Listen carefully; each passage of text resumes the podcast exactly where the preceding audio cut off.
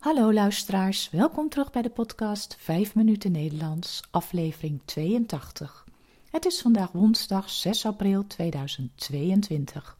Als je de tekst van de podcast wilt lezen, kijk dan op de website petje.af slash 5 minuten Nederlands. Als je de teksten van eerdere podcast wilt ontvangen of vragen hebt, stuur dan een e-mail naar 5minutennl.gmail.com. Mijn naam is Carolien, ik ben taaldocent op de universiteit en woon in Leiden. In deze podcast vertel ik iets over mijn leven, over wat ik de afgelopen dagen heb beleefd of iets over de Nederlandse taal en cultuur.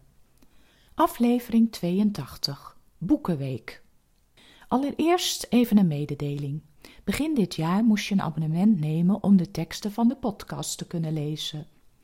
De betalingen vanuit het buitenland bleken echter veel problemen op te leveren. Dit vond ik heel vervelend, dus heb ik besloten de teksten weer gewoon gratis op de website van Petje.af te zetten. Als je een abonnement hebt genomen, moet je deze dus nu zelf stopzetten via de website van Petje.af.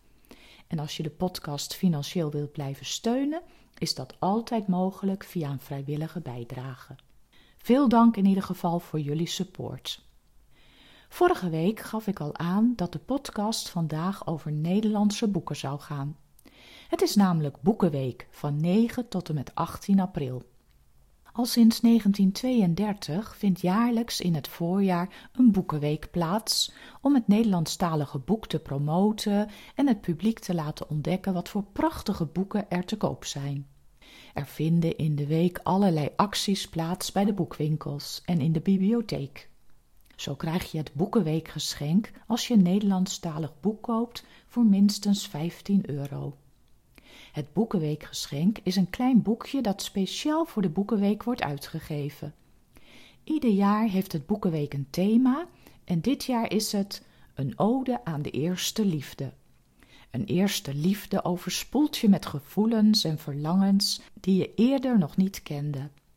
Ilja Leonard Pfeiffer heeft dit jaar het Boekenweekgeschenk mogen schrijven.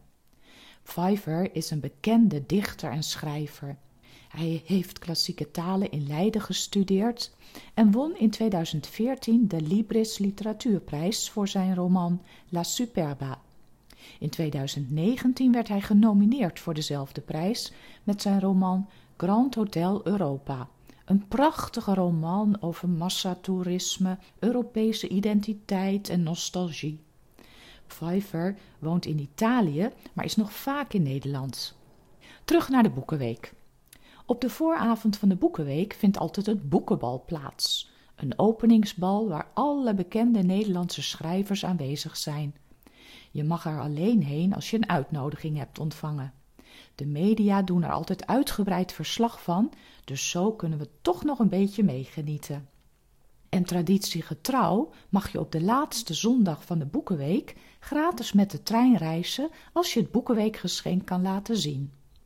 Helaas heeft de NS, de Nederlandse Spoorwegen, aan het begin van dit jaar moeten besluiten om de vrijreizendag vanwege het coronavirus niet door te laten gaan. Op dat moment waren de besmettingscijfers te hoog. Nu had het prima gekund. De NS heeft een verklaring afgegeven dat het helaas niet meer lukt om op zo'n korte termijn het besluit terug te draaien. Hopelijk volgend jaar dan wel weer een dagje vrij reizen. Het is overigens heel grappig, want dan zitten bijna alle mensen in de trein hetzelfde boekje te lezen. Ieder jaar is er ook een kinderboekenweek. Deze wordt altijd in het najaar gehouden, meestal in de herfstvakantie. En ook dan krijg je een boek cadeau als je een kinderboek koopt. Ik ga volgende week zeker naar de boekhandel om een boek te kopen, want ik ben erg benieuwd naar het Boekenweekgeschenk van Pfeiffer. Als je nog Nederlands aan het leren bent, zijn zijn gewone boeken misschien een beetje moeilijk. Maar misschien is dit Boekenweekgeschenk wel makkelijk te lezen. Het is in ieder geval een dun boekje. Boekenweekgeschenken van voorgaande jaren zijn bijna altijd nog voor heel weinig geld te koop bij de slechte. Dat is een bekende boekhandel in Nederland voor tweedehands boeken. Dit was het weer voor vandaag. Veel dank voor het luisteren. Als je een abonnement had genomen, vergeet dan niet dit stop te zetten. Ik wens jullie een hele fijne week en tot de volgende keer. Dag!